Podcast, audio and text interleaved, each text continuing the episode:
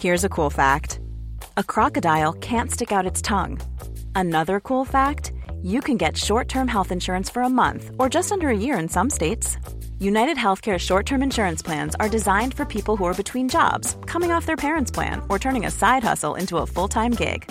Underwritten by Golden Rule Insurance Company, they offer flexible, budget friendly coverage with access to a nationwide network of doctors and hospitals. Get more cool facts about United Healthcare short term plans at uh1.com. Hiring for your small business? If you're not looking for professionals on LinkedIn, you're looking in the wrong place. That's like looking for your car keys in a fish tank. LinkedIn helps you hire professionals you can't find anywhere else, even those who aren't actively searching for a new job but might be open to the perfect role. In a given month, over 70% of LinkedIn users don't even visit other leading job sites. So start looking in the right place. With LinkedIn, you can hire professionals like a professional. Post your free job on linkedin.com slash people today.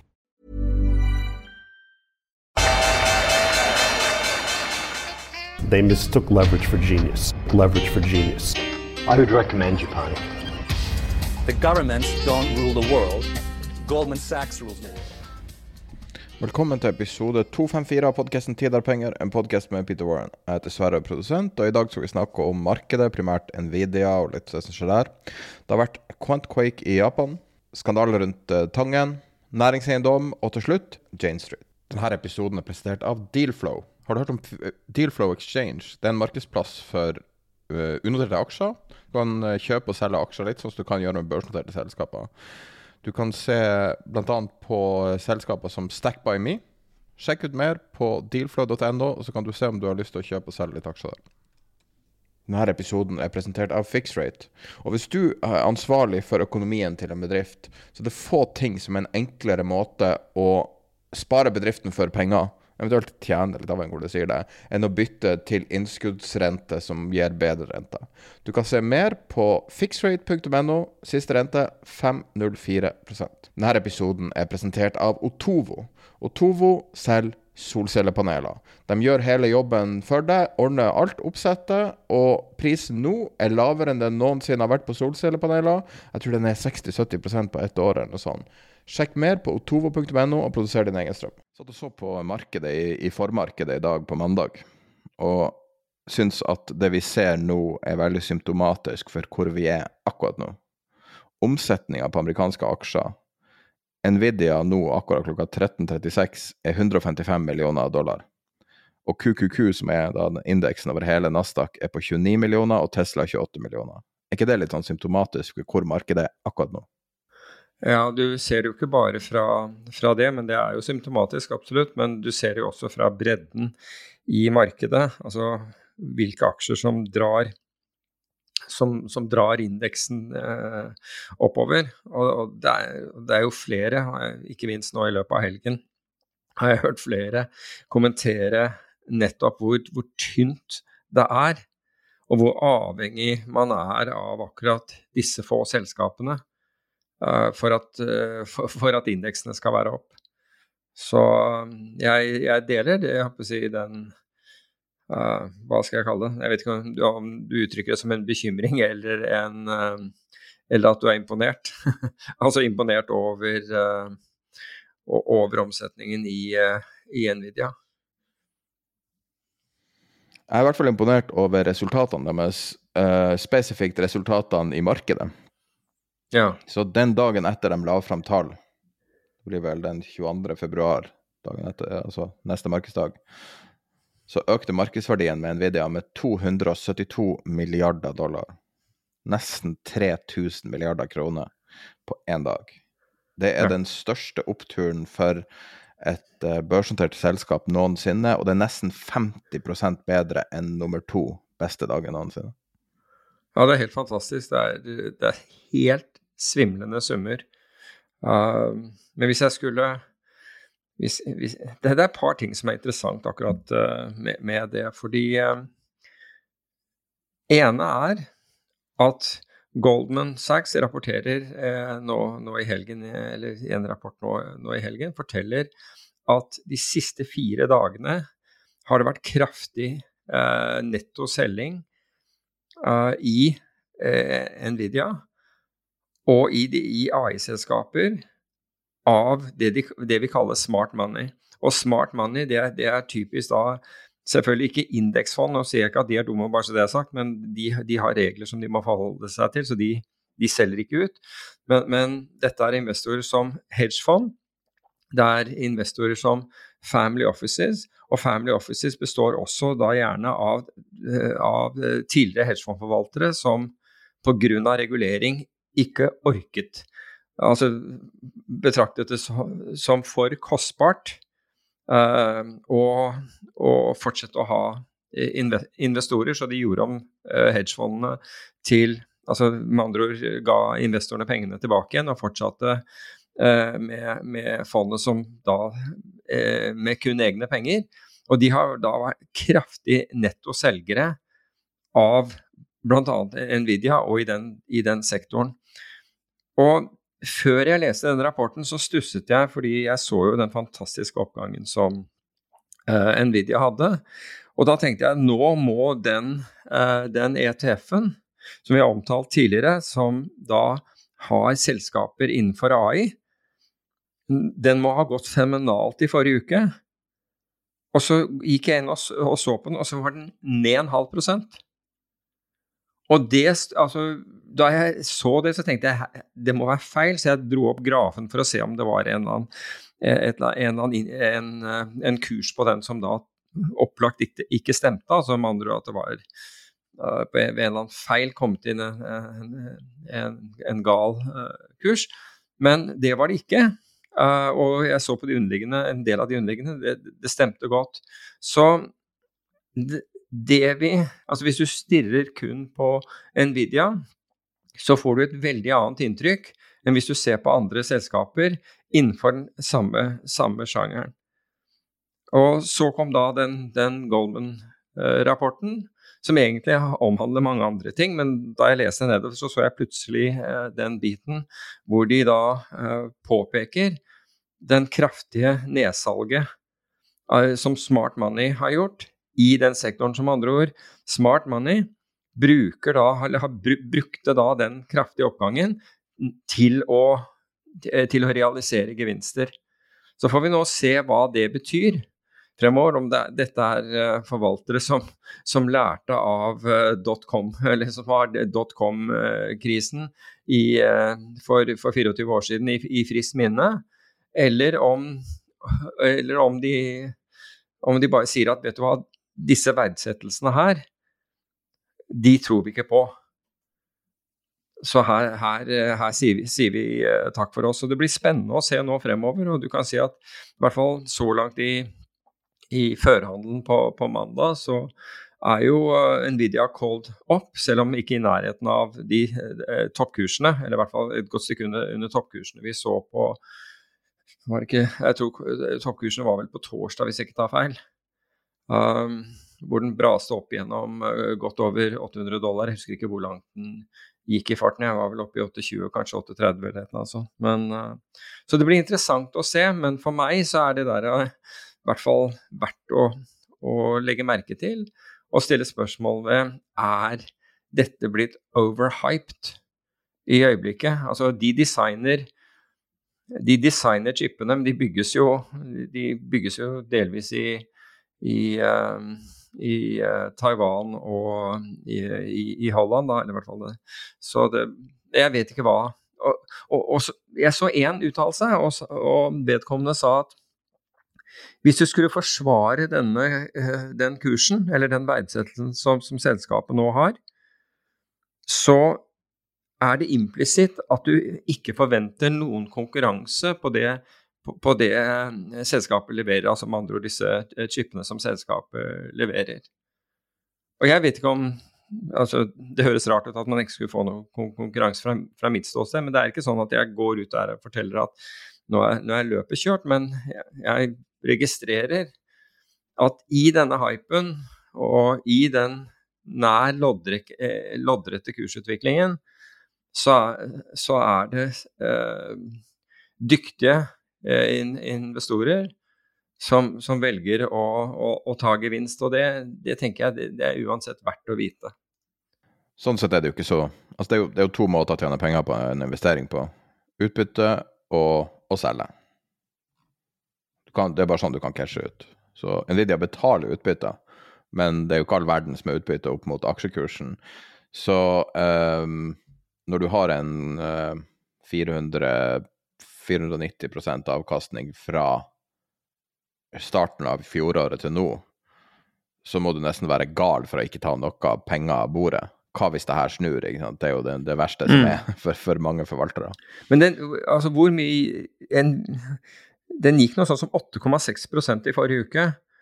Uh, mye fordi Nvidia solgte av i noen dager før tallene, og så, kom, og så kom tallet, og så dro det til himmels på det. Så, så nettoeffekten var 8,6. Og jeg mener at basis fredag så var aksjene opp rett i underkant av, av 60% i år. Det er jo veldig interessant med datasentermarkedet. Og uh, er en graf fra, fra McKinsey som opprinnelig var, som var en Goldman-rapport som summerer det opp helt sånn vakkert, enkelt. Og det, det er de tre forskjellige måtene der de her uh, chipene kan være i.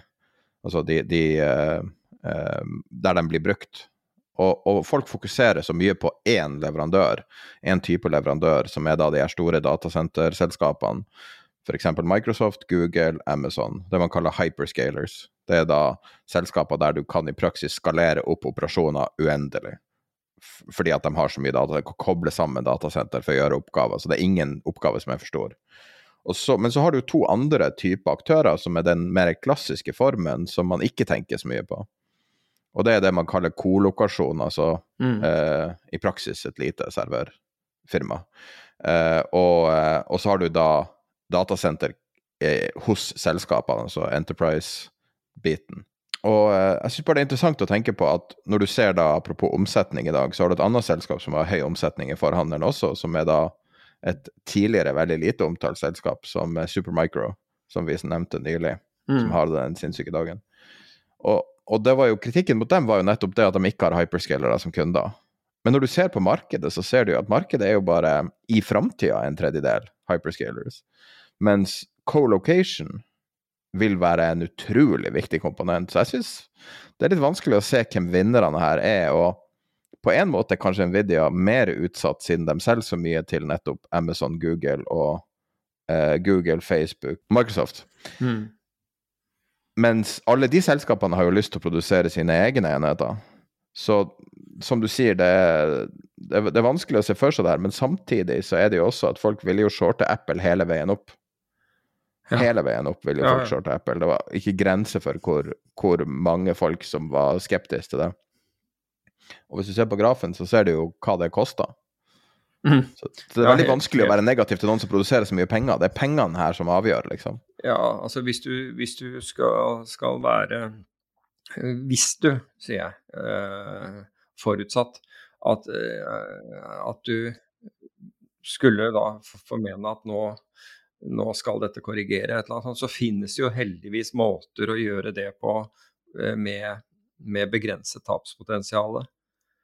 Uh, og det er, og det er bl.a. Ved, ved å bruke opsjonskombinasjoner, slik at du ikke blir carried out. ikke sant? At du ikke får en sånn GameStop-type Det skal mye til fra, fra dette nivået, uh, vil jeg tro.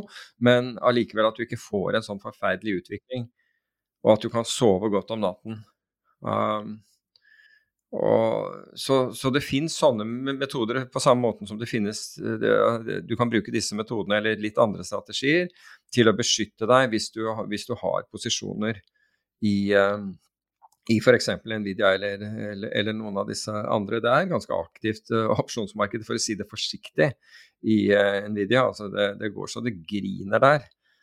Og um, du hadde Jeg tror det var på da torsdag kom, da hadde du full effekt av, uh, av tallene i markedet, og, og galskapen liksom da var helt voldsomt.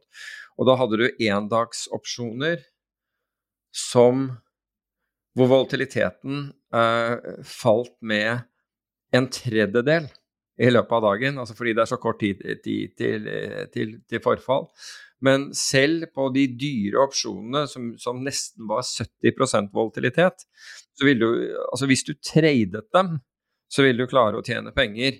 Altså Selv om du hadde kjøpt det på galt tidspunkt den dagen, så vil du klare å Altså mens, mens volatiliteten var som høyest, og det var den rett etter åpning, så ville du, vil du ha klart å monetize dem fordi det svingte så mye opp og ned at du ville klare å, få, å, å tjene penger på dem uansett. Så det, det var eh, det, var en, det, var en, interessant dag å følge med på, og, og særlig å følge med på, da, på, opsjoner som da hadde én dag igjen til, eh, til forfall, som en, eh, en, bekjent av meg gjorde meg oppmerksom på. Så jeg begynte å følge med på det, og da Det var faktisk interessant å se hva, hvordan volatiliteten reagerte. altså hvordan hvordan de ble priset altså brått ble priset billigere og billigere og billigere, altså hele veien, nedover.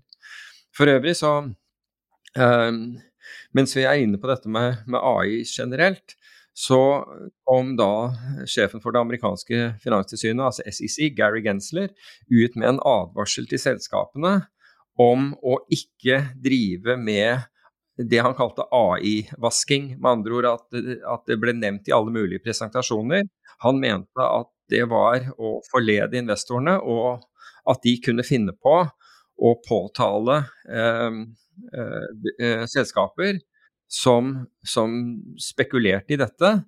Men at de selskapene eh, som da omtalte AI, måtte da eh, knytte det sammen med en eller annen form for use case de drev med og ikke bare være sånn generelle når det, når det gjelder AI, slik at man skulle liksom prøve å få uh, en, uh, en, effekt ut av, uh, ut av de to bokstavene, for å si det på den måten. Så han er på banen, for å si det, for, for å si det sånn. Nå er vel ikke altså Jeg tenker meg om, så er det jo i forrige uke. Altså, det er klart at det fikk den største oppmerksomheten. Men jeg ville jo sagt at nesten like stort så er det jo at japanske, japanske investorer etter 34 år har fått igjen pengene sine. Altså de som investerer. Ja. Jeg ble nesten religiøs når jeg så all time high for Nikkei. Det er jo All time high for Nikki. Etter... Det er ikke noe du ser ofte, altså. Nei, det, er 34 år siden forrige gang. Ja, vet du hva, nå skal jeg gjøre noe som jeg glemte å forberede. Nå skal, jeg, nå skal jeg fortelle deg. Jeg har tenkt på det her, skjønner du. Kom igjen. Jeg skal prøve å, å se eh, hva som skjedde sist gang Nikkei var på all time high. Mm -hmm. eh, skal vi se her eh, Ja, det var årsskiftet uh, 89-90. Ja. Så det var samme året som Ted Bundy ble henretta. Jeg skulle ha forberedt det her. Eh, det var når eh, Ayatollah Khomeini erklærte fatwa mot Salman Rushdie. Iran-kontra-saken. ja, Oliver North. Starta. Ja. Mm. Så Iran-kontra-saken, det er jo sånn at man tenker at det er nesten i svart-hvitt, liksom. Ja. Exxon Valdis går på grunn.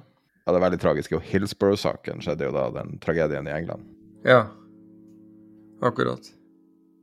Første episoden av Simpsons kom nesten på den dagen uh, Nikkei toppa seg sist, og Berlinmuren falt rett før. Så det, det, jeg prøvde bare å sette i perspektiv hvor lenge siden det er. Det her er gammel historie, liksom. Jeg, jeg må jo si at jeg tenkte meg tilbake til den perioden da, uh, da altså mot slutten av, av 80-tallet, da man var overbevist om at alle at Japan var fremtiden. Man falt pga. teknologi og andre ting. Da, da, skulle pengene skulle plasseres i Japan. altså selv Norske investorer var helt fokusert. Bankene drev markedsføring av alt mulig som eh, var rettet mot Japan. Nå tenker jeg ikke på sushi, men nå tenker jeg investeringsprodukter som var rettet mot, uh, mot Japan. Og det var ingen det var ingen mørke skyer i, i den horisonten. Det var liksom det oppadgående sols land, og det var, der skulle der skulle man eh, plassere.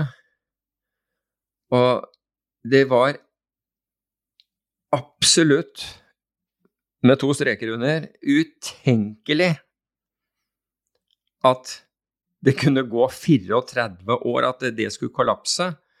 Og at det kunne gå 34 år til, eh, til, til, eh, til situasjonen hadde på en måte gjenreist seg, da, eller det japanske markedet hadde gjenreist seg, det var helt fullstendig utenkelig. Og jeg tenker på den recency bias vi har i dag, hvor vi ikke tror at noe marked kan falle. Altså Hvis det faller, så faller det litt, men det er opp igjen liksom noen uker etter eller noen måneder. Det er helt nærmest utenkelig at det kan gå tiår før du har igjen pengene dine. Det er fullstendig utenkelig, og man finner da årsaker til at nei, men altså det, det, var jo helt opplagt at Japan kunne være sånn. Det var ikke det, kan jeg fortelle. Det var slett ikke Altså, da, da skulle folk inn i Japan, og de skulle kjøpe da det markedet gjennom alle mulige produkter, inkludert warrants, som jeg har vært inne på, på tidligere, langsiktige, langsiktige kjøpsopsjoner. Det var Ingen brød seg om prisingen. Det var der pengene skulle være. Hvordan føltes det for deg? For det er en ting interessant er jo at jeg kan lese om det her i, i en, en, en historiebok, da.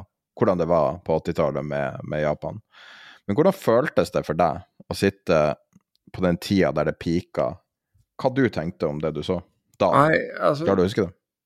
Ja, altså det var jo den derre uforståeligheten altså med er det mulig at alle har tatt feil om dette? Altså, til, til å begynne med så, Før det begynte å falle, eller nei, altså, nei, altså, du fikk jo noen av disse Altså, du fikk jo den der uh, uh, Hvem var det igjen? Det var, eh, det var uh, britiske ambassadørboligen i Tokyo som hadde to tennisbaner, og ble budt 150 millioner dollar for disse.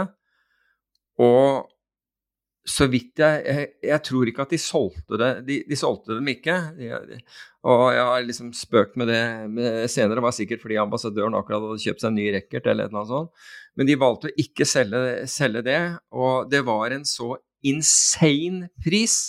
Men alle var 100% overbevist om at veksten lå der. Det var ingen hindringer, det var bare å være investert. Du måtte for guds skyld ikke gå glipp av denne muligheten.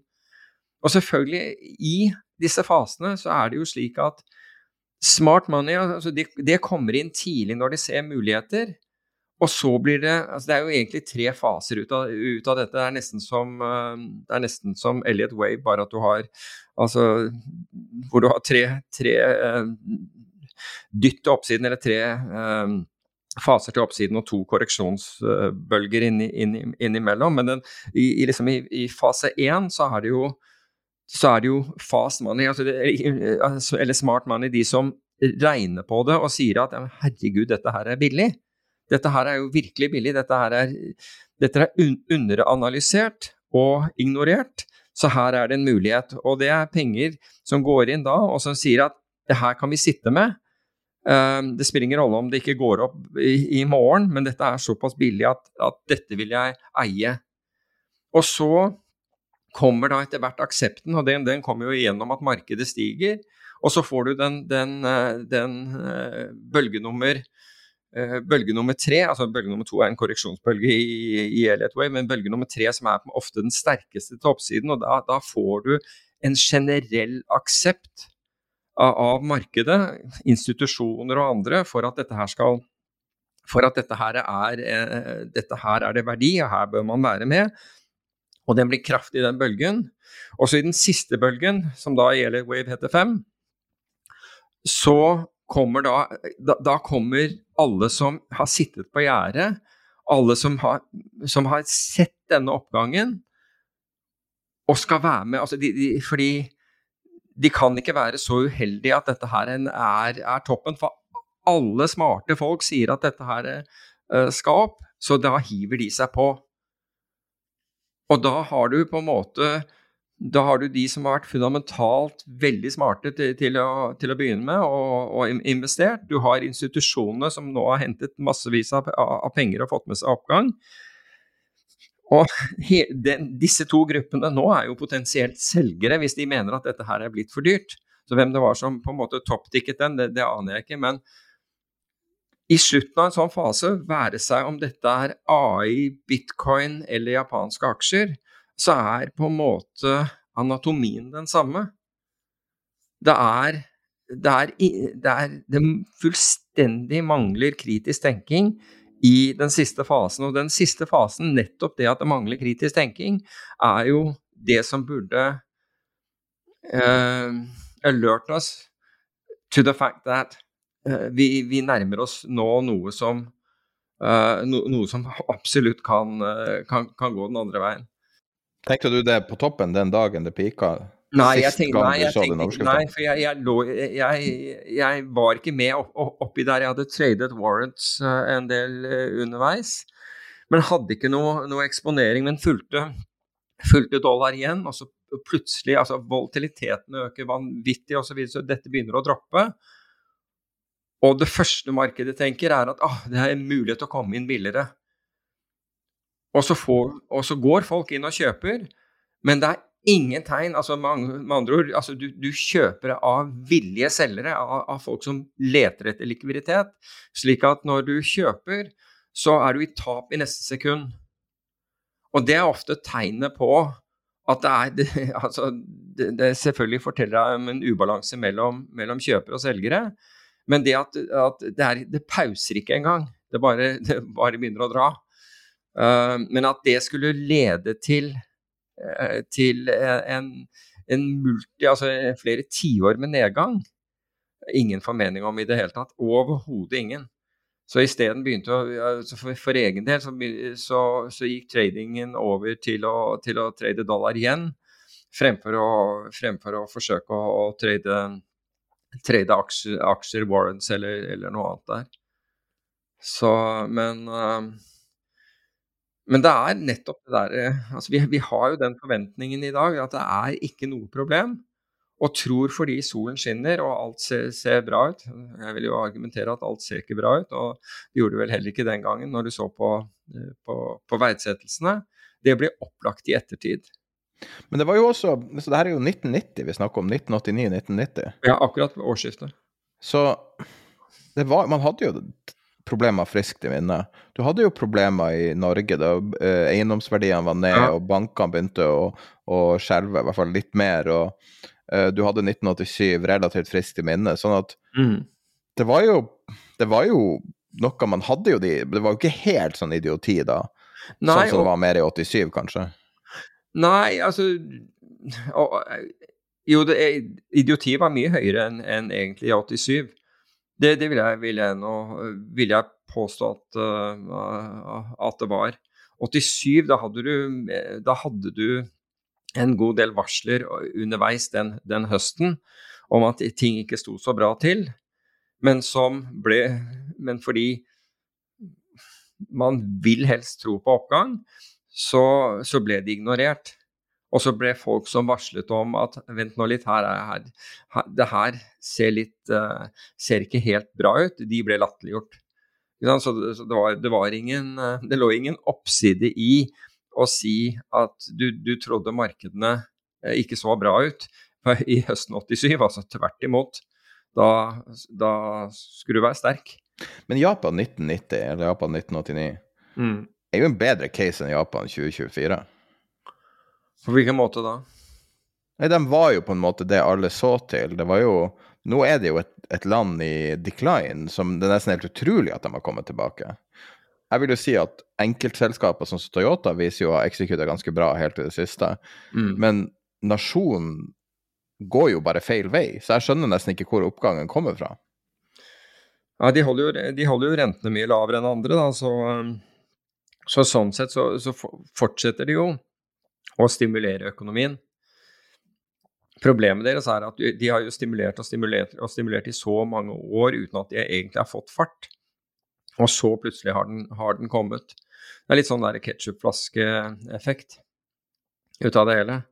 Men det har ikke vært på mangel på stimuli fra, fra, Bank of Japan. Men det er klart at det, en del av stimulansene som, som, de var med på, og som ble, ble, på en måte utvannet ved at Europa fikk, fikk eh, negative, negative, renter, USA gikk til nullrente, ikke sant. Og jeg husker ikke nå hvor mange land begynte, faktisk hadde, hadde negativ rente. Men dermed så Det er grenser på hvor negativ den kan bli. Selv om ingen trodde det heller eh, på det tidspunktet. Hens kjøpet av disse 100-års, 100 års østerrikske eh, obligasjonene. Men alt er, alt er, mye klarere å se eh, i historien, altså når, når, vi ser tilbake i historien, da, da er det jo aldri noe pro problem å, å, å, se ting. Skal vi se når vi er først i Asia, så kan vi jo holde oss litt i, i nærheten der i Kina. Så vi har hatt et aldri så lite Quantquake. Um, ja. Så det var jo eh, Det ble jo veldig annonsert i dag. Var, jeg fikk tilsendt en graf på kinesisk. det var litt vanskelig å, å, tyde den, men det som skjedde, var veldig tydelig. Så i, i 2007, eh, når finanskrisa på en måte begynte å brygge før skjønte, lenge før folk skjønte det, så hadde vi jo det som heter Quantquake, der på en måte eh, de kvantestrategiene i Vesten, altså i USA, uh, slutta å fungere. Da var det jo StatArb f.eks., som var en strategi veldig mange brukte, og så slutta på, det, modellene på en måte kollapsa. Og man kan jo sammenligne det som har skjedd nå i Kina, litt med det samme. Der eh, eh, hedgefond med et kvantitativt eh, eh bias da, eh, har alle falt samtidig pga. Eh, enkelte tiltak fra kinesiske myndigheter. Interessant at det skjer nå, selv om det selvfølgelig er forskjellig. Ja, altså Forskjellen ligger i at hvis du tar Quantquake fra, fra, fra 2007, så var det helt riktig det du kaller statistical arbitrage. og Da ser man f.eks. På, eh, på spredden mellom A- og B-aksjer i et selskap.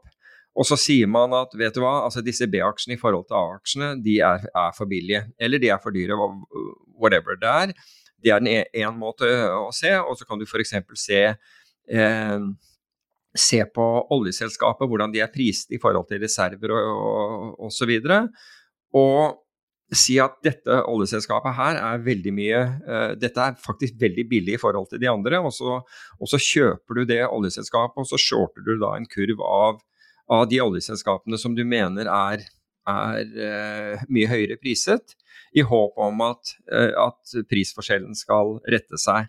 Så du har på en måte, du har gjort statistiske analyser som, som tilsier at det, det, skal skje. Det som var problemet i 2007, det, og mange hadde drevet med dette, og, og Renaissance Technology, altså verdens ubestridte eh, beste eh, fond når det, gjelder, når det gjelder, avkastning, eh, var jo en av primus motorene i dette. Og så er det slik, og det er oppdaget for, for øvrig Renaissance også, på samme måte som Long Term Capital uh, oppdaget det, det er at vær forsiktig med bankene som du, er, som, du, som du prime-broker med, eller som du bruker til å utføre handler.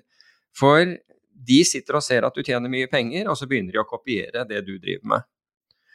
Slik at og, og Renaissance begynte jo da å flytte sin, eh, sin orderflow, uh, spre den over på flere, fordi de merket dette, at andre begynte altså Hvordan merker de det? Jo, fordi de merker at det blir mer konkurranse om, om dealene, og spreddene går inn. Så du får ikke så godt betalt for å gjøre, gjøre uh, denne, type, uh, denne, type, trades. Og, det, og det vokste også antall, antallet fond som gjorde det, vokste også. Det som er en konsekvens av at mange andre kommer inn i, eh, i, i, samme felt som deg, altså begynner å konkurrere om de samme dealene som deg, det er nettopp at spreddene går inn. og hvordan, og, Men alle vil ha avkastning. Så for å kompensere for at spredden er eh, blitt mindre, altså gevinstpotensialet er blitt mindre, så belåner man investeringene, man girer kraftigere. Og det var det mange gjorde. Og Renaissance var jo en av de få som sa at vent nå litt, nå begynner giringen her. Altså de begynte nå å, å la dealer gå. Og det, eh, rett og slett fordi de syntes at marginene ble for små, mens andre bare gikk på og gikk på, ikke. Også banker, begynte, som da hadde funnet ut at de skulle kopiere disse eh, typer Renaissance. Gjorde det samme. Det er helt nøyaktig analogt med hva som skjedde med long term capital management. Til slutt var det vanvittig mye penger som jaget de samme dealene med en høy grad av belåning. Og da er det jo da, altså da, Tingenes iboende faenskap er, er, jo slik at plutselig så er det en som får margin call, en stor en som får margin call. Det kommer en bevegelse, en eller annen nyhet gjør at spreddene istedenfor å gå, bli, gå inn, plutselig beveger seg utover. Og fordi du har så høy belåning, så kan du ikke si at 'å, dette er kjempefint, jeg putter på flere', jeg, jeg, jeg gjør den jeg, jeg, kjøper og selger her også, så jeg kjøper den billige og selger den dyre her, her også, for nå, er, nå får jeg enda bedre betalt. Du får ikke gjort det fordi du har så høy belåning at det motsatte skjer, nemlig at banken som har lånt deg pengene, sier at du, nå ligger du under med så og så mye. Du, har, de, du, er i brudd i forhold til den egenkapitalen du skal ha for å, kunne, for å kunne låne så mye penger. Du er nødt til å likvidere deler av posisjonen din for, å, eh, for, å, for at ikke vi skal gjøre det. Og så begynte det, og sånn begynte Quantquake. Eh, enkeltaktører måtte, måtte, likvidere posisjonene sine, altså eh, kjøpe tilbake det de var short og selge det de var long. Og det kjørte spreddene enda lenger ut, og så, det, og så fikk nye margin calls og nye margin calls, og så brøt liksom helvete løs for, for, alvor. Det var det som var på en måte bakgrunnen for, for, the, for the original Quantquake. Når man nå kaller det som har foregått i Kina for, for the Quantquake, så er det på litt andre premisser. Fordi kvantitative fondene der er delvis trendfølgende fond, og delvis fond som f.eks. kjøper uh, uh, småselskaper og shorter, uh, og, og, shorter la, large caps osv. Så, så, så det som kinesiske myndigheter gjør her, er ikke det var ikke det at du plutselig fikk en renteoppgang eller, eller, eller noe slikt, men de, de pga. den kraftige selgingen som var i det kinesiske markedet, altså i aksjemarkedet, så gjør de et uh, midlertidig forbud mot shortsalg. Litt à la det som skjedde un under finanskrisen. Hvor man sier at man, man, gjør tiltak rett og slett for å stabilisere markedet, fordi det gir ikke mening i forhold til verdsettelse at aksjer blir så billige, og hvis man fortsetter nå å pøse på, så kan det være at bedrifter kommer, altså en, del av disse selskapene kommer i brudd med lånebetingelser som da kan være tilknyttet eh, verdsettelsen av selskapet osv. Det vil vi ikke ha nå. Vi vil ikke ha en sånn, spi, en sånn spiraleffekt, eh, snøballeffekt heter det vel, ut av noe slikt noe som har satt inn dette forbudet. Og det gjorde jo da at selvfølgelig at det man var, var short, de selskapene var short, skvatt opp og så kom margin calls. Og så, begynte, og så ble det en, for, en, form for quake, altså et jordskjelv for, for, disse selskapene.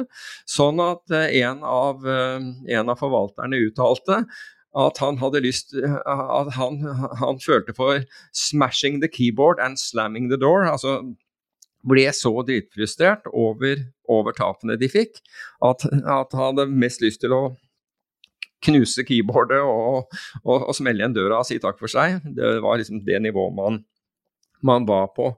Og samtidig, kort tid etter, så, så uh, hadde du jo en Jeg vet ikke om den, den, det holdt med en verbal intervensjon, men i hvert fall uh, kinesiske myndigheter sa at, at de, ville bruke, de, ville bruke, midler til å, uh, til, til å, å kjøpe aksjer rett og slett støtta opp markedet. Så vidt jeg vet, så foretok de seg ikke noe, men det, det drev jo kursene.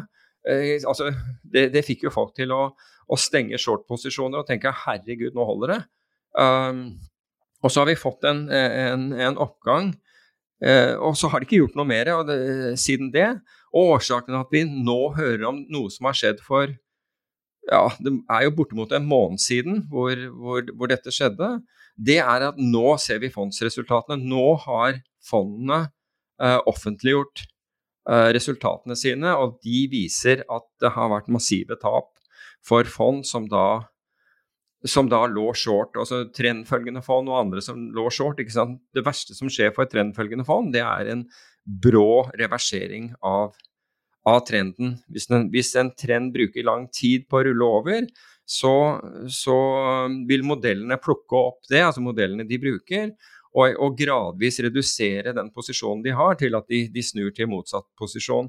Men når det, når det skjer brått, så, så, gjør det alltid vondt for trendfølgende fond. Og de som har de, de altså modellene som tar de lengste trendene, de vil da ha større ta, helt, helt opplagt ha større tap enn de som er mer kort, kortsiktig fokusert.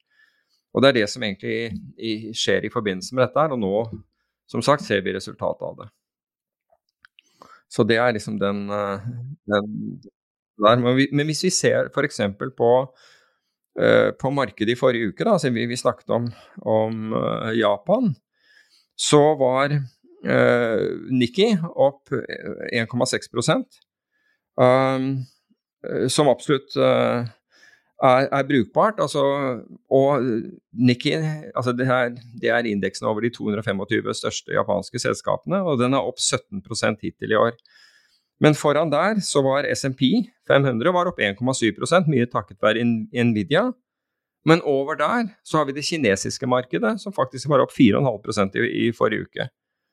Og så følger listen eh, lenger nedover med MSCI World, som var opp 1,5% Nasdaq opp 1,4 20-årige eh, statsobligasjoner, altså den ETF-en for de, eh, har ikke ikke noe med, aksjer å gjøre, men bare for å nevne hva obligasjonene beveget seg, den, den, den beveget seg opp 1,2 og Oslo Børs var ned 0,3% Så det var på en måte aksjene i, uh, i, forrige uke. Og hvis vi går litt mer sånn granulert til verks, altså vi kan jo se den EBIT for øvrig, den, vi har jo snakket om bitcoin en del. Den, uh, den, den største, altså med unntak av Grayscale, den, uh, den største ETF-en for bitcoin den var ned 1,8% men er opp 30% den siste måneden. Så eh, den har tross alt beveget seg eh, i, i, riktig retning. Ellers, i forrige uke, så var det bulkrater som Hvis du hadde kjøpt ETF-en for bulkrater, så var det faktisk opp 12% på en uke. Det, den er opp 24% i år. Um, og her, Nummer to er ganske interessant, fordi nummer to, altså med stigning, det er jo ikke den vi helst vil ha opp. Det er det er eh, kraftpriser i, i, Norden som er da opp 9 på en uke. Og det skjer samtidig med at gassprisen er det som er, er ned 7,8% Så mens man så utrolig ofte har brukt gassprisene som, uh, som alibi for at strømprisene er, er høyere i Norge, så gikk de motsatt vei Eh, i, i, i, forrige uke. Og det er, det er, litt rart, for det var en eller annen dag hvor jeg så det var noen sånn ordentlige piker i, eh, i, i strømprisen, i hvert fall her eh, på Østlandet. Det var liksom dager hvor det bøtta ned med regn og blåste storm, full storm, på kysten av, på, her oppe. Altså, du kjente det godt her i, i Oslo, men det var først og fremst Østfoldkysten som fikk Hvaler og det området der som fikk. Men det var ikke som det var mangel på vind og regn. Og til tross for det så er, er prisene på, på, på, på, kraft opp, og det, det, er også interessant. Hvis jeg kan ta en digresjon og knytte det sammen med litt det du sa, hvem er det som er vinnerne av, av dette med datasentre og osv., så, videre, så, så vil jeg tro at det kommer til å være kraftproduserende industri. Og det er, altså Hvis du bare ser på og Her er en morsom sak, for dette, dette var i nyheten i forrige uke. og Det er om dette datasenteret som Google skal bygge i, i Telemark, i nærheten av Skien, så vidt jeg har forstått. Og som kommer til å kreve Altså bruke 5 av, av, av, av Norges uh, Norges behov for strøm. Altså Den kommer da til å bruke 5 altså, så, så tenk deg den økningen. Og så tenkte jeg det, det er jo én ting i seg selv. og man er veldig glad nede i Telemark for at man, man får Dette skal gi, gi opptil 100 arbeidsplasser. Mens 5,5 millioner nordmenn får dyrere strømpris, det er jo det, er det er litt av en artig, artig sånn vektskålprinsipp der. Men så kom jeg på en ting til. Vel vitende om det, at, du, at det kommer inn en aktør som har da et voldsomt Altså det største behovet eh, eh, som er kjent i Norge. Altså det øker det norske strømforbruket med 5 så kan du tenke deg vil, hvilke konsekvenser vil det ha? Og hvis du da kommer inn en, en kjøper i f.eks. aksjemarkedet som har en kjempestor ordre, hva er konsekvensen da? Jo, det er at kursen går opp. Hva, hva, er det du gjør da? Sitter du og venter til den kursen har gått opp av det? Eller vil du ha spekulanter nå som begynner å kjøpe fremtidskontrakter, altså Ford-kontrakter på strøm, mens, altså før dette skjer?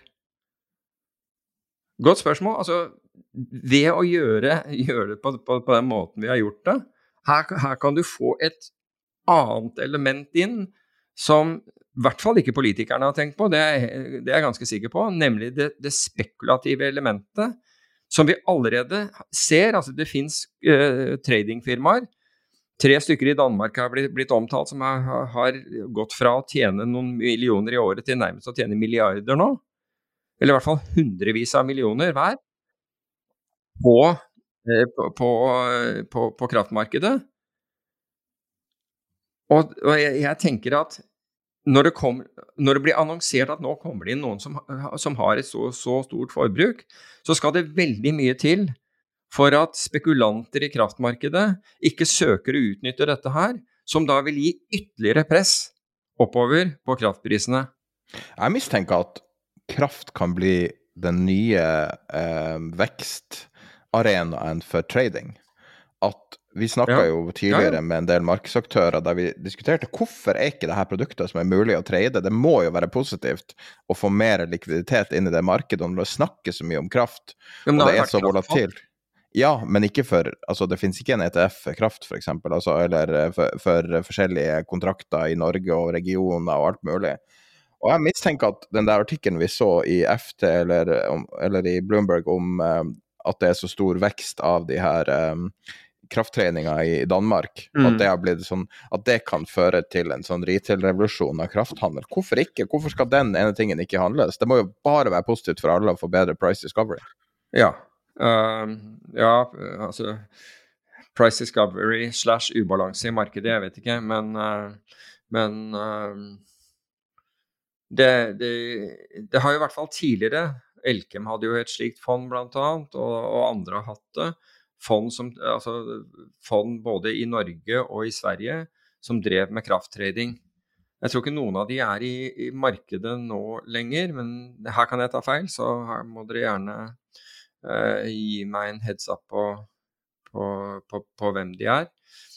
Men, uh, men nå, altså, nå, nå, er det jo blitt mye strengere krav til sikkerhet osv., og, så videre, og det er mulig at det har gjort det uattraktivt for mange, i hvert fall av de mindre aktørene, å kunne, å, å kunne delta i dette markedet. Jeg vet ikke. Men hvis noen kommer og forteller deg at nå, og, og det ikke er innsideinformasjon, eh, at nå kommer det inn noen enorme kjøpere i en eller annen aksje, så, er, så tror jeg de, de, aller fleste, i hvert fall som har, har tilgang, vil tenke hm, la meg hoppe inn foran den, da. Det som er så fint med kraft, er jo at det ikke er regulert uh, med innsideregler. Uh, så vidt jeg vet. Det vet ikke jeg heller, hvordan det, uh, det står. Commodity-markedene har, har, jo helt annen regulering, det har du rett i. Uh, men det vet jeg ikke. Så det kan også noen opplyse oss om hvis de Der snakker du om et sånt potensial for sånn innsidekritikk rundt politikere som har vært ja. Der har du muligheter for, for, å vite hva som skjer. Ja, absolutt. Ellers skal jeg bare fullføre med, med det som skjedde i, uh, i, i, forrige uke. Og det var at uh, jeg nevnte jo at bulkratene var på topp med da 12% oppgang. Eh, på tredjeplass på hvert fall den listen jeg hadde, den var for øvrig det var omtrent like mye grønt som rødt på den, på den listen, så var det sånn 50-50 delt. Um, så var MPC, altså det norske børsnoterte selskapet, uh, det, det, var opp 7,1% altså De driver jo med containerfrakt. Og det var faktisk til tross for at Drury-indeksen i, i, de to siste ukene er, er ned ca. 3% så så det, det, var jo litt sånn overraskende i forhold til det. Ikke det at jeg tror at det er noe, noe galt i forhold til det. Altså, det er sikkert uh, Det er sikkert uh, analyse av uh, MPCs balanse og, og, og, fremtidige inntekter som er grunnlaget for, for bevegelsen, og at den dermed ikke nødvendigvis har noe med Drury-indeksen, i hvert fall i det korte bildet, å gjøre. På nedsiden da, så var det faktisk tankrater så var ned, ned 10% Dette til tross for at det blir færre eh, tankskip. altså eh, Etter hvert eh, det bestilles færre tankskip, og man bekymrer seg nå over, over tankflåtens størrelse fremover, nettopp fordi det er, har vært lite, lite bestilling av, av, ny tonnasje.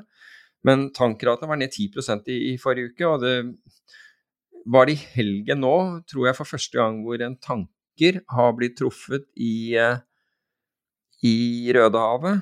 Så, så, så det, det, sto litt dårlig i forhold til hverandre. Men nå, det ene er resultatene eller eh, kursutviklingen i forrige uke, og det andre er selvfølgelig hva som skjedde i helgen. Så vi får se på det.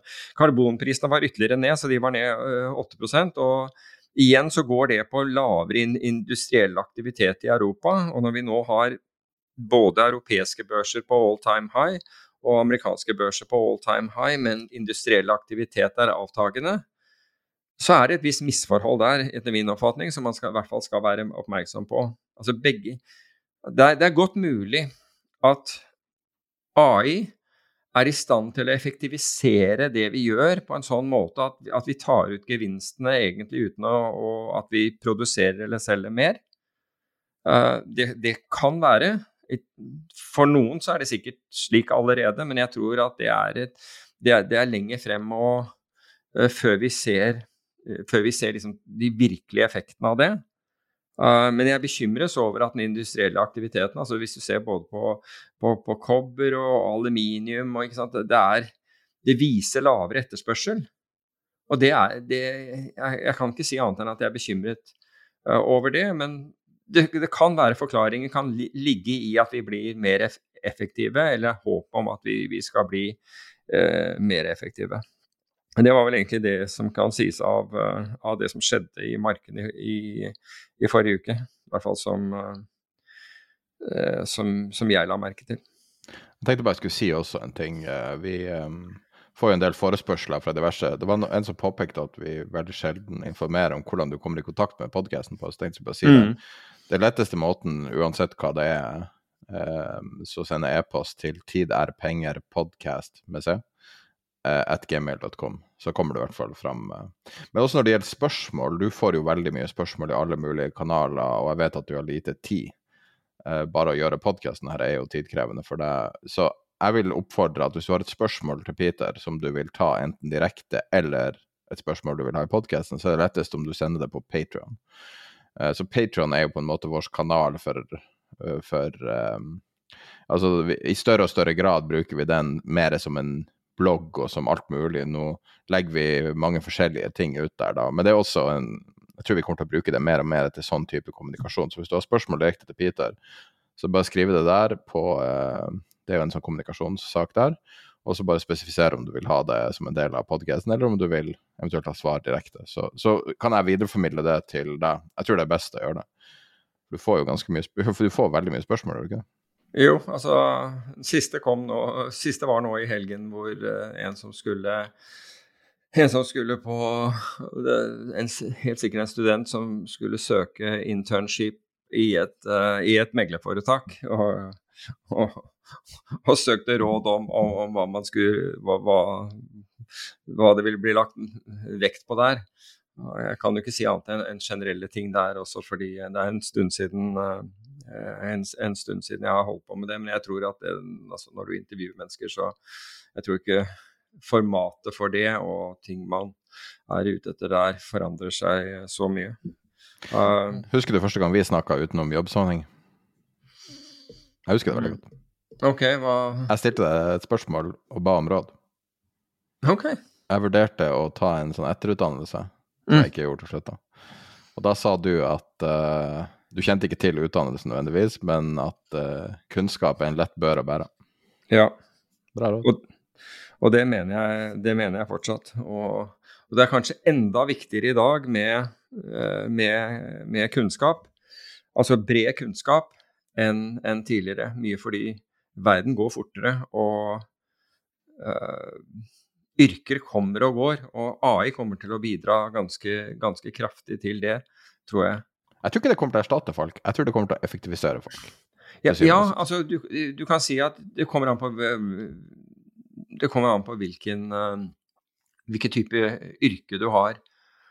Jeg tror at f.eks. hvis du er uh, altså hvis du er blue collar work, altså hvis du er håndverker og osv., så, videre, så kommer ikke AI til å ha veldig mye å si for deg i det hele tatt. Uh, og, i hvert fall ikke true, true jobben din. hvis du er analytiker, så tror jeg absolutt at det kan, det kan true jobben din. Men det er som du sier, det kan effektivisere innhentingen din og filtreringen din og mange andre ting som, som gjør deg bedre. Absolutt. Men jeg tror ikke at du skal fighte mot det at, det at, det vil medføre, at ting som AI vil medføre en betydelig effektivisering. Så alle ting som kan effektiviseres, og, da, og, Vi nevnte jo dette her i forbindelse med at vi, vi snakket om, om, eh, advokater og deres honorarer og advokatfullmektiger. Eh, advokatfullmektiger. Så det er klart at, men at det å, å sende AI på, på, på søk etter, etter presedenser i, i, eh, i dommer, uh, vil jeg tro at den kan ta, ta, inn og finne disse vanvittig mye fortere enn deg. Det som plager meg med å sende AI inn, det er hallusinering. Gud hjelpe deg det problemet er nesten løst nå, for du kan be om å få kilde på alt. Sånn at du kan gå bakgrunnssjekk. Okay.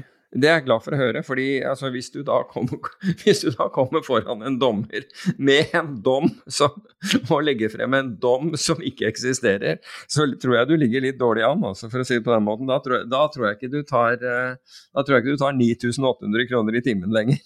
Men det er jo de nye modellene som har eh, én eller ti millioner tokens så kan du jo uh, ha en så stor korpus at du har alle dommer i Norges historie som den eneste kilden, og du kan også be om veldig, veldig spesifikk henvisning i det. Så, så du, vil, du, vil, være Du kan redusere hallusinering nesten til null, altså, med mm. det som er tilgjengelig akkurat nå. Du trenger ingen programmeringsferdigheter. Jeg jeg bare si at det er, det er noen studenter som, som, driver med akkurat det nå, inn, altså jusstudenter, så det blir kjempespennende å se hva de kommer frem til. Det har vært en sak som kom ut i media i dag som har skapt litt eh, blest. Jeg tenkte vi kunne bare touche kort innom den. Nicolai Tangen var og besøkte BI, som har, um, som har et fag som heter retorikk. og i uh, forkant så hadde de da fått beskjed om å analysere hans taler, medieutspill og offentlige opptredener som uh, det var ganske sporty av han å stille opp på det og få feedback på det. Men uh, ut fra det som skjedde, så kan det virke som han forventa kanskje veldig positiv feedback.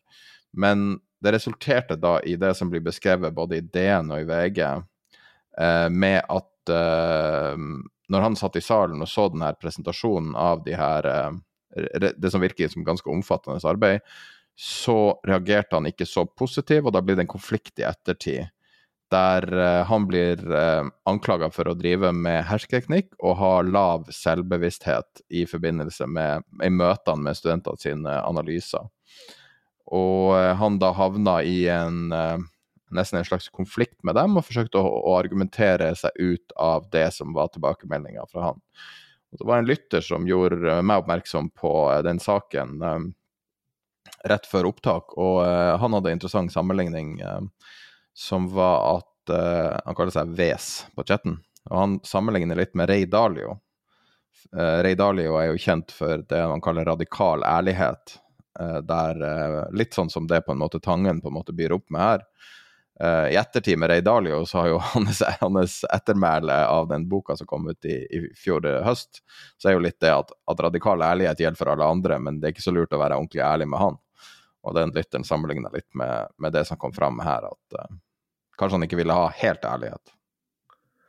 Ja, altså, da jeg leste den i dag morges, så, så, må jeg innrømme at, at jeg, tok litt sånn, jeg tok litt den andre siden i dette her. For jeg, jeg vil jo si at, at Nicolai Tangen er vel er, det, er ikke vel, men han er definitivt den eh, oljefondsjefen som har brukt mest tid på, eh, på, på aktiviteter ut, utenfor oljefondet, for å si det på den måten. Altså for å opplyse, eh, være til stede på universiteter og foredrag og, og, og delta i eh Delta i eh, Eller, eller på, på, tilstelninger som, som eh, han, han, blir innbudt til. Så, og også i, i form av å organisere uh, organisere foredrag. Uh, nå uh, var det vel Yngve Slyngstad som først satte opp den der den ene dagen som, som oljefondet har, hvor, hvor de inviterer et utvalg av, av, folk fra finans til å, til å høre på. Men, men, men Tangen har jo liksom tatt den der enda mye lenger. Og, så jeg, jeg syns jo jeg har sympati for at han forsøker å spre kunnskap og forståelse for hva, uh, for, for hva oljefondet driver med. Uh, og jeg føler også at han forsøker å formidle kunnskap som oljefondet har tilegnet seg gjennom nettopp å være oljefondet. Så jeg syns han går veldig, veldig langt i å åpne dørene for at, eh, for at man For, at, eh, for å gjøre oss andre eh, klokere. Når det gjelder akkurat denne saken, så er det umulig uten å ha vært, vært til stede. Men det virker som en, altså om det er en forsamling, eller om det er én professor, eller hva, hva, de kaller seg på denne her kaller seg på BI, som som er blitt liksom fornærmet. Det er, det er, litt vanskelig å vite, men det er klart at Tangen, slik jeg forsto det, og det er jo ikke alltid sånn at min tolkning av, av, av ting, eller det er nesten sjelden er den rette, men eh, inviterte da til, til, til, feedback, og så har man gitt han en, en, en feedback på dette. Og da kan det jo være at i den feedbacken så Og hvis det er slik at han har reagert på, på, på, feedbacken, så kan det jo også være at han reagerer på feedbacken fordi kanskje ikke premissene ble forstått av, av, av hva han sa, eller, eller, eller, hvordan dette ble sagt. Men at ikke han skal ha anledning til å, å svare, og så begynner man å snakke om altså bare bruke, altså, Jeg føler det ganske tendensiøst å sende det var, dette var et brev som var sendt til dem, var det ikke det? Det var et brev som var sendt til, tilbake til oljefondet, hvor man, hvor man bruker uttrykk som hersketeknikk. altså da, da, da har man allerede på en måte definert ting. Isteden Altså, det fins andre måter å kommunisere uh, misnøye i anførselstegn, hvis man hadde det, uh, på en å si at jeg føler at du drev med ja, Å klage på at han drev med hersketeknikker og osv. Han har jo på en måte stilt seg, blottlagt seg for studenter som da skulle som, som da fikk lage et eller annet på, uh, på, på basis av å være seg foredrag eller taler eller, eller, eller, hva han har holdt, eller hans med, medieprofil. Han trenger jo ikke være enig i det. Han, han, det er jo ikke slik at bare fordi en, en, en, gruppe studenter De har sikkert gjort en bra jobb, de, men det har jo litt med premissene å gjøre her. Og uten å vite nøyaktig altså, Men kanskje vi får vite det etter hvert, da. Uh, hva, som, hva, som, ble sagt og reagert på, så føler jo jeg at Jeg føler for å ta han i forsvar på, på basis at han bruker så mye tid på å Eh, på å educate the Norwegian, eh, Norwegian public på, på, hva de driver med. At jeg ville hatt litt sånn slakk i forhold til å til å bli fornærmet fordi han nødvendigvis ikke var enig i noen, noen, synspunkter. Men som sagt, jeg har ikke lest dette grundig, så dette er bare min umiddelbare Og det var min umiddelbare reaksjon da jeg, da jeg leste det. Liksom her. Men er det jobben? Driver han ikke med forvaltning? Eh, han leder forvaltning. Uh, men i det så har man jo også definert, og, og det gjorde jo Yngve Slyngstad også, at, at, man skulle bidra til å, å spre kunnskap. Så Tangen har jo liksom tatt dette veldig ja, på alvor. Han har jo liksom han har jo uh, utvidet det, den delen av, av sin virksomhet uh, uh, betydelig i forhold til, til Yngve Slyngstad, bare så det er sagt.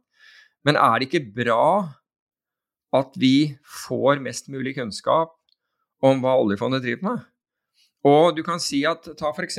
podkasten, hvor hvor han får eh, folk fra OpenAI han, han får folk fra alle mulige selskaper banker til å stille opp. Det, ingen andre ville fått til det. Altså, du ville ikke fått til det uten å eie, uten å eie noen prosenter av disse selskapene.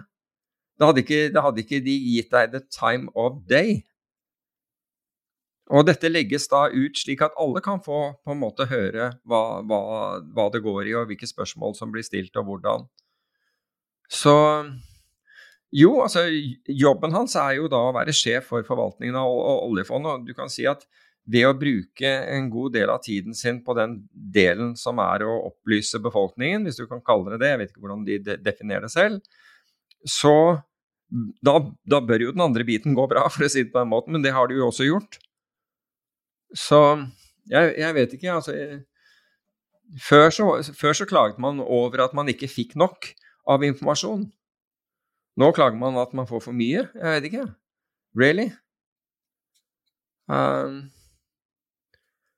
jeg syns at uh, Jeg syns at han uh, Jeg, jeg syns jo at han gjennom det blottlegger seg selv, altså ved å, ved å be om på en måte kritisk feedback, men det er jo ikke alltid man, man, er enig i kritikk. Noen ganger så er det det, andre ganger det er ikke. Noen ganger mener du at du er misforstått.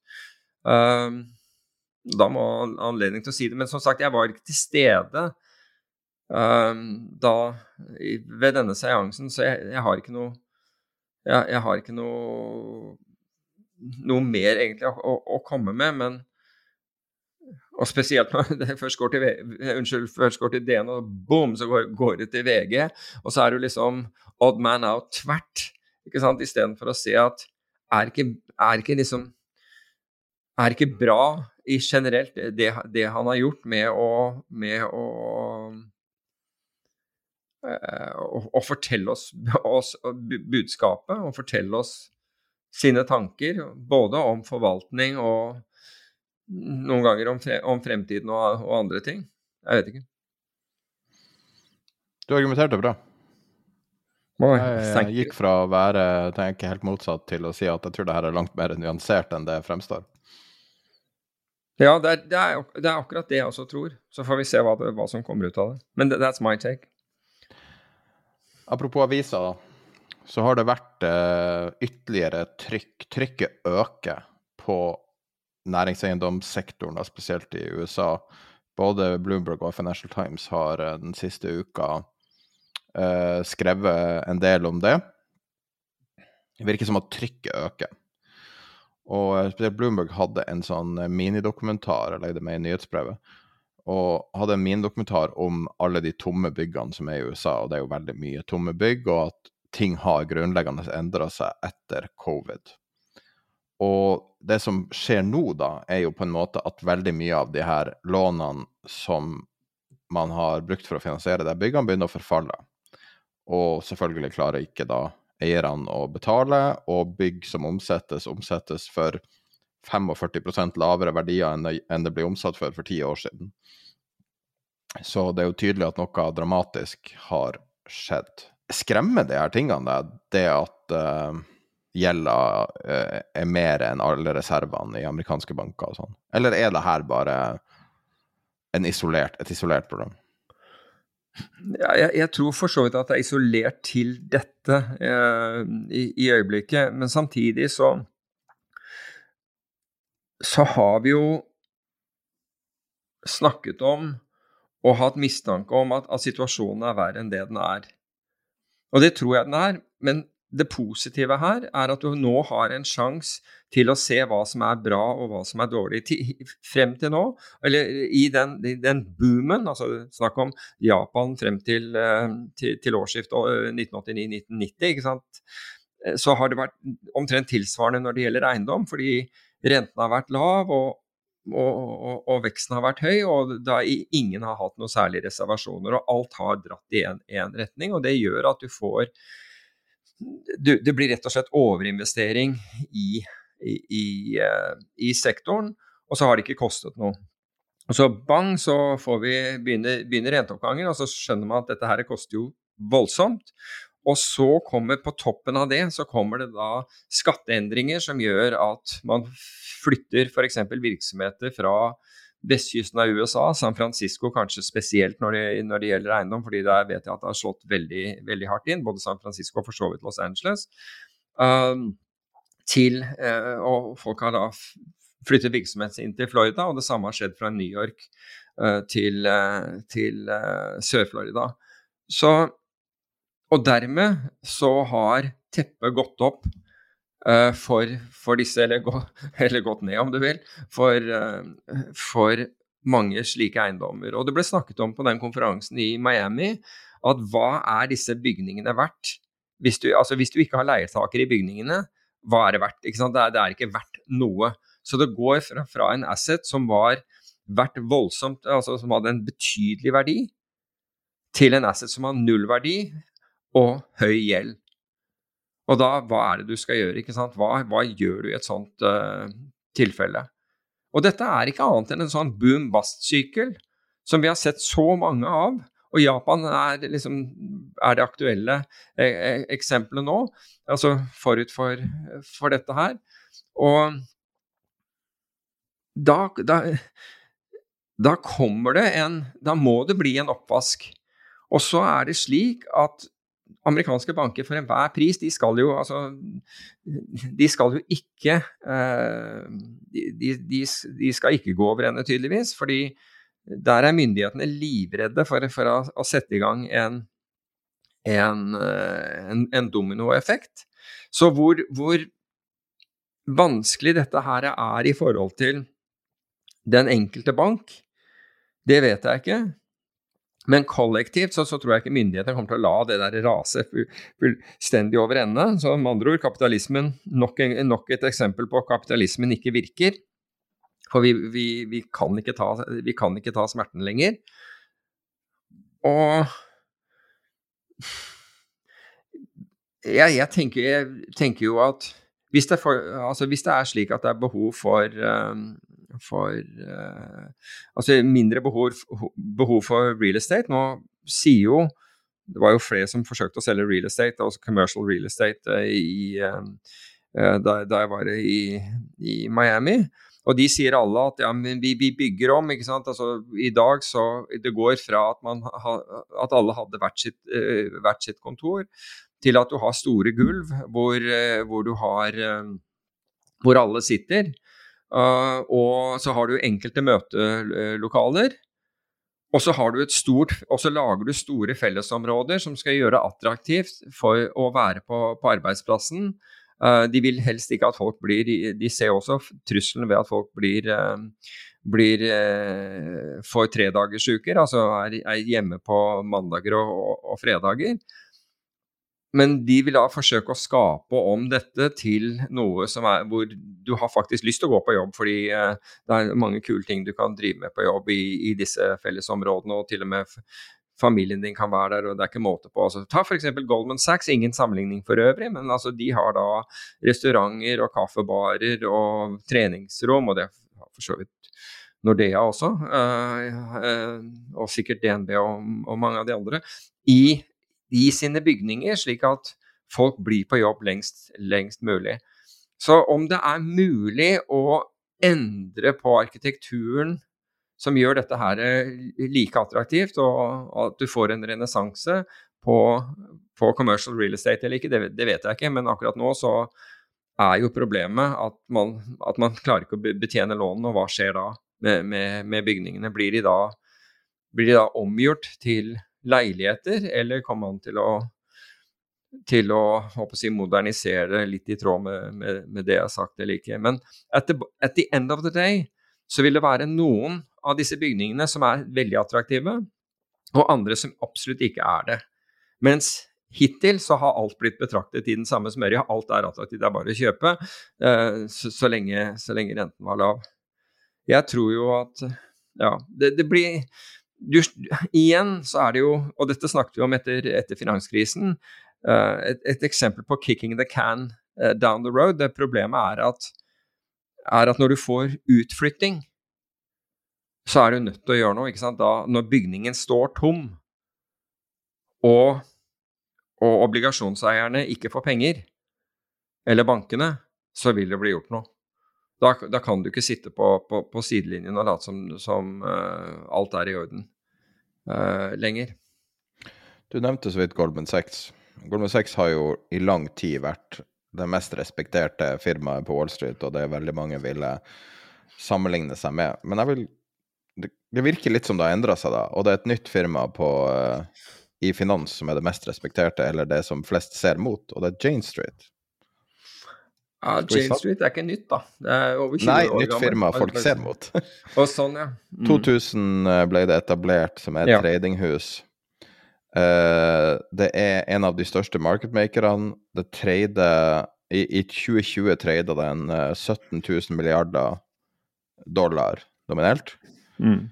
Um, anses å være en veldig viktig del av eh, verdens finans, egentlig, på en måte, for å, for å få alt til å gå rundt. Financial Times har skrevet ganske mye om dem. Tidligere så ble jo dem omtalt stort sett som Sam Bankman-Fried sin første arbeidsplass.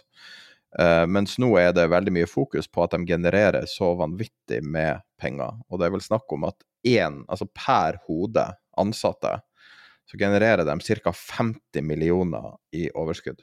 Norske kroner, ja. Altså 5 millioner dollar. Mm. Hva er det de gjør som er så spesielt?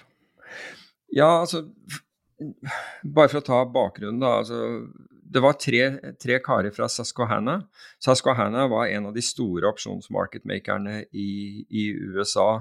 Uh, på høyde med liksom, bl.a. Timberhill, CRT. Uh, det, det var liksom de, de store gutta der ute. Susquehanna holdt holder fortsatt til i, uh, i Philadelphia. Så det var tre av medarbeiderne der som da sluttet, og i 2000 setter opp Jane Street, så de flytter da til, til New York, hvor de, hvor de setter opp uh, Jane Street. Og som en prop firm som du er inne i, altså som driver egenhandel og, de, og, og marketmaking. Og så kan du si at det som er virkelig knekkpunktet her sånn, altså de, de gjør det bra helt fra starten av, for det er, det er smarte mennesker som, som er eh, kvantitative og, og dyktige, og de skaffer seg liksom flinke teknologer, så de utnytter teknologi og, og hastighet osv. Men virkelige knekkpunktet kommer jo egentlig etter finanskrisen, hvor myndighetene forbyr banker å drive med mye av denne virksomheten, eller i hvert fall må skalere ned veldig mye av sin, sin egenhandel. Og gjennom, å, gjennom, det så ønsket myndighetene å og, og, dette er en fordel for, for Jane Street, fordi det, ønsket, unnskyld, det myndighetene ønsket å gjøre, det var at, at uh, public money, altså, det, altså folks sparepenger, ikke, uh, ikke ble, ble, risikert på, på, på, om du vil, vill trading i, i markedene. Så det de gjorde, var å, var å, si til bankene at hvis dere skal drive med denne virksomheten, så må dere styrke egenkapitalen voldsomt. Uh, for vi vil ikke at uh, Vi vil ikke være uh, vi, vi, vil ikke backstoppe dere. Det er ikke slik at skattebetalerne skal ta regningen når, når dere når, de, når, dere taper, og så beholder dere overskuddet selv. For sånn hadde det vært da i veldig, veldig mange år. Så så det man gjør, er da forlange høyere egenkapital i bankene. Bankene snur seg og sier åh, oh, shit, nei, altså hvis vi skal ta risken, det er ikke vi interessert i, og det er ikke aksjonærene våre interessert i, så da scaler vi ned den virksomheten. Og dermed så danner det seg grunnlag, eller et behov, for andre aktører som da ikke tar imot uh, penger fra Altså som ikke tar imot innskudd fra fra, fra Spare og andre, og etablere seg. Hvilket da Jane Street var allerede etablert, andre kommer uh, på, på, banen.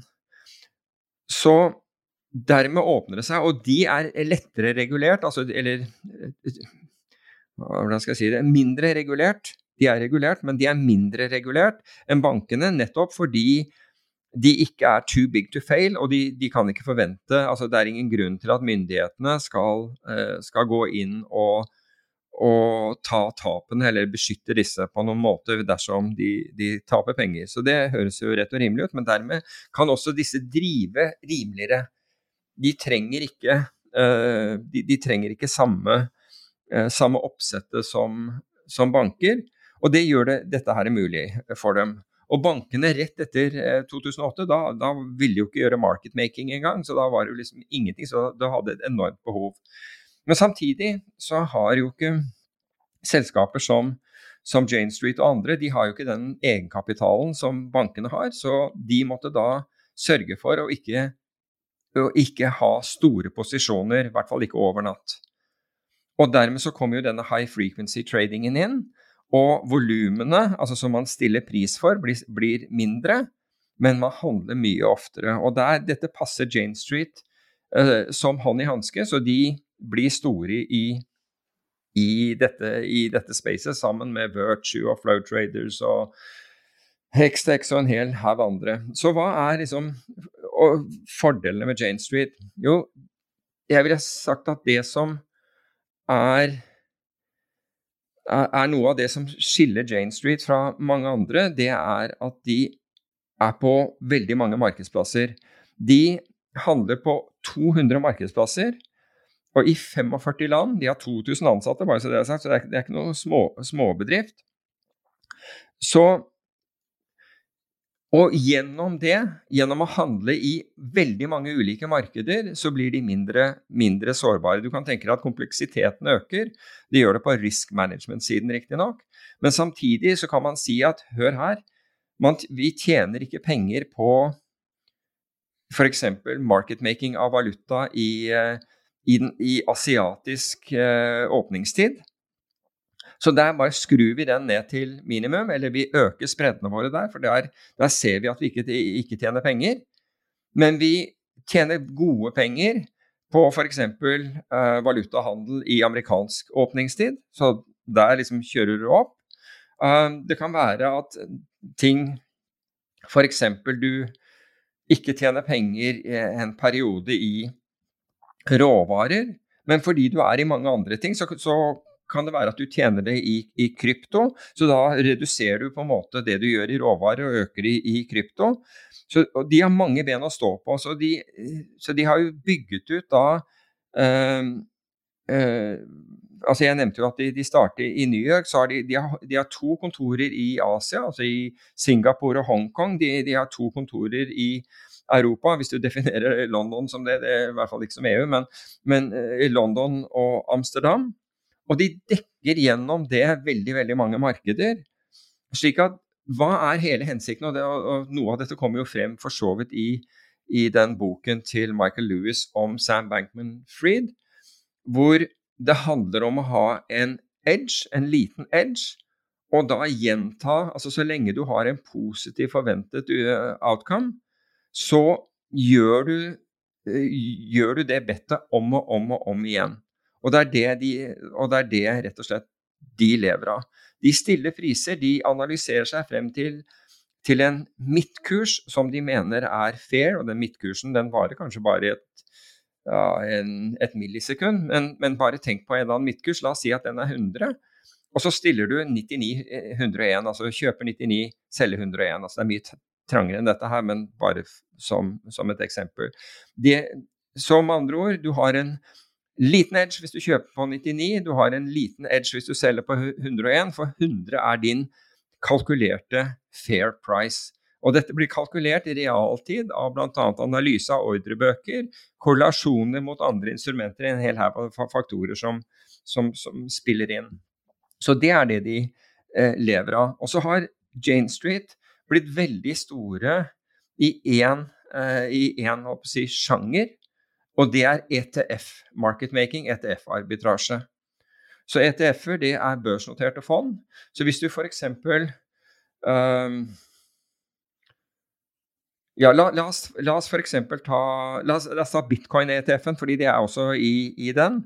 Uh, siden den er akkurat kommet. Så har du prisen på bitcoin, men prisen på bitcoin den er forskjellig, bitte litt forskjellig, fra markedsplass til markedsplass. For bitcoin handles på et utall av markedsplasser rundt omkring i verden, inkludert her i Norge. Så de følger da med på alle disse børsene.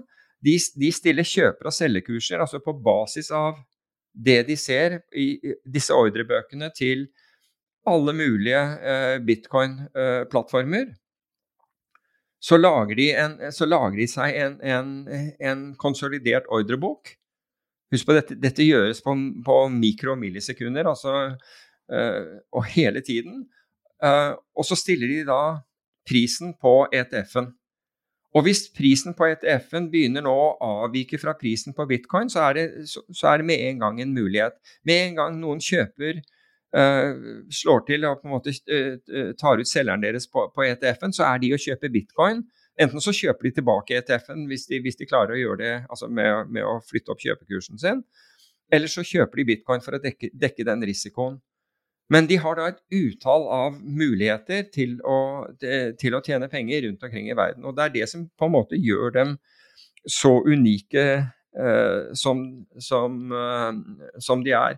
Og I tillegg til dette så stiller de også blokktrader, altså stiller priser på større blokker av aksjer.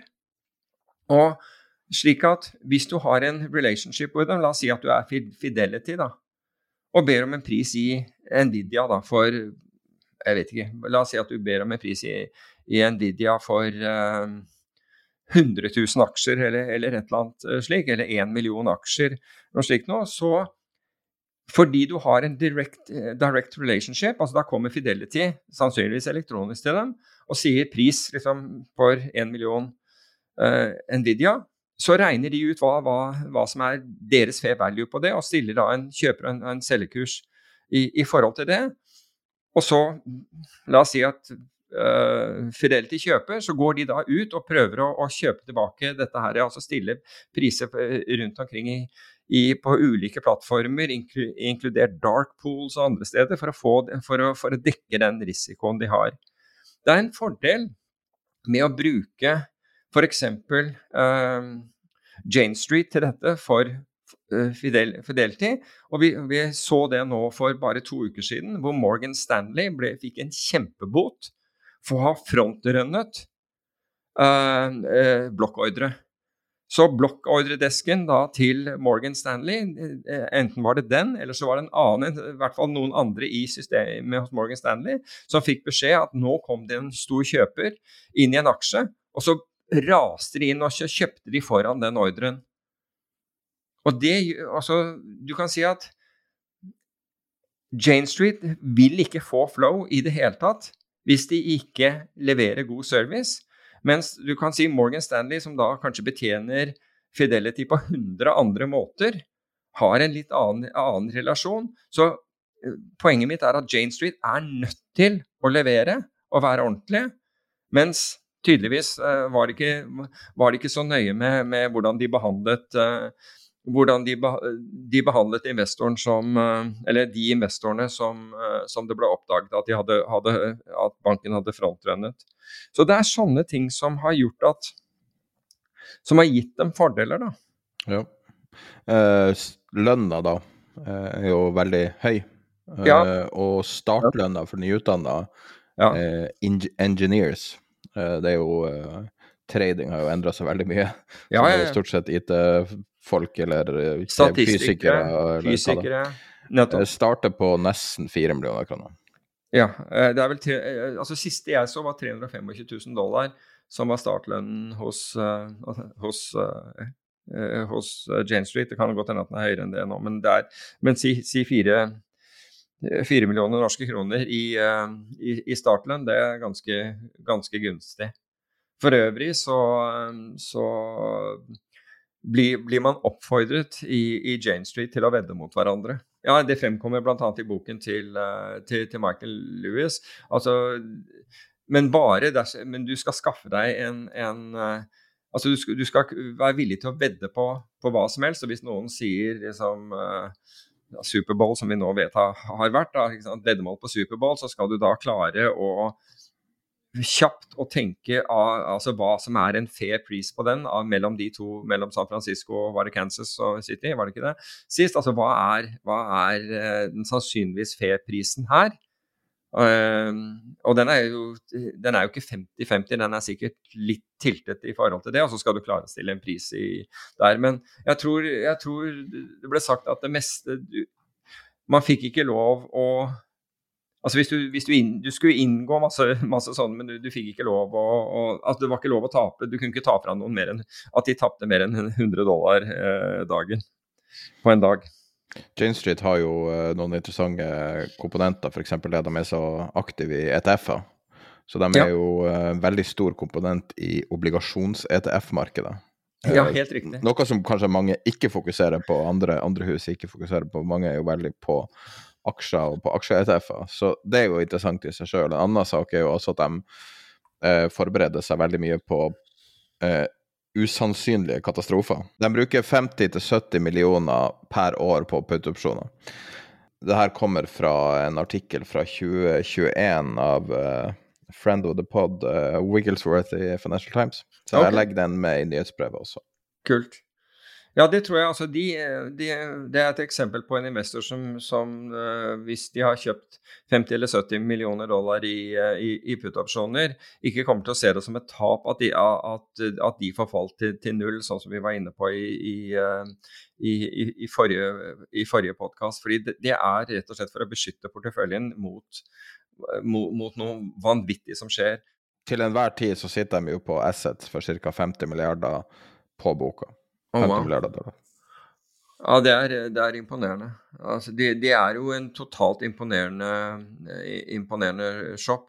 Og de fikk jo bl.a. skryt for, og det tror jeg kom fra Federal Reserve, hvis jeg ikke tar feil. Og det var under covid i 2020, da amerikanske statsobligasjonsmarkedet sprakk omtrent. altså fordi da, da var det så store bevegelser, og banker og alle bare trakk ut prisene. og og for så vidt, uh, apropos, jeg hadde en diskusjon med Wigglesworth uh, om akkurat det der. Jeg mente at hedgefond var mye skyld i det, det som skjedde. Men, men, saken er at når, når marketmakerne trekker seg ut, så blir det enorme svingninger. Men, men tilbake til Jane Street, så, så, mener jeg at de var en av de få marketmakerne som stilte opp, altså som faktisk gjorde jobben sin, til tross for de store svingningene. Så de har en veldig De har en absolutt nyttefunksjon eh, i markedet. En veldig viktig funksjon. Og det er godt å se at, eh, at eh, de får betalt for, eh, for, risken de tar. Men det var dagens episode. Det var dagens episode. Vi er tilbake neste mandag. Og eh, jeg vet jeg har sagt uh, eh, pga. Eh, diverse ting som har skjedd, så har jeg ikke vært i 100 så nå er jeg tilbake på 100% jobb. Så jeg har vært redusert ei stund, og så diverse ting har ikke blitt gjort helt sånn som de skulle. Men alt skal tilbake til normalt har vel vært at du har vært på 100% men du er, du er vanligvis på 150. Vi, ja, jeg har hatt fokuset på andre ting. Det finnes ja, viktigere ting enn å jobbe, og i hvert fall viktigere ting enn podkast. absolutt. Så, det, er, det, er, få ting som kan være viktigere enn en, en podkast, men jeg har full sympa, sympati for det. Så, så, hvis du har vært forsinka med diverse utsendelser av nyhetsbrev, og, så er jeg tilbake til normalen nå, så beklager vi, det. Vi, nei, du har ikke noe å beklage. Vi strever alltid for og det, det skal vi gjøre òg, for, for, eh, for, å bli bedre.